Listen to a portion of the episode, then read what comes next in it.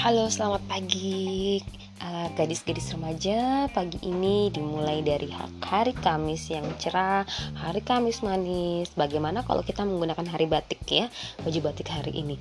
Um, kira-kira hari ini kamu kamu pada pakai motif apa nih? Kalau aku hari ini lagi pakai motif daya karena posisi aku lagi di Samarinda, Kalimantan Timur.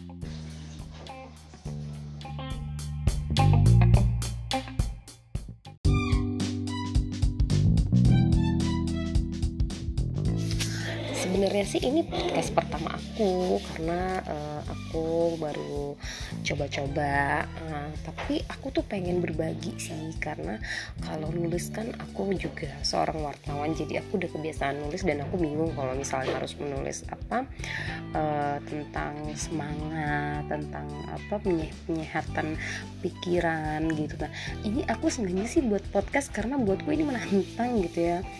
Aku berharap sih ini sukses thank you.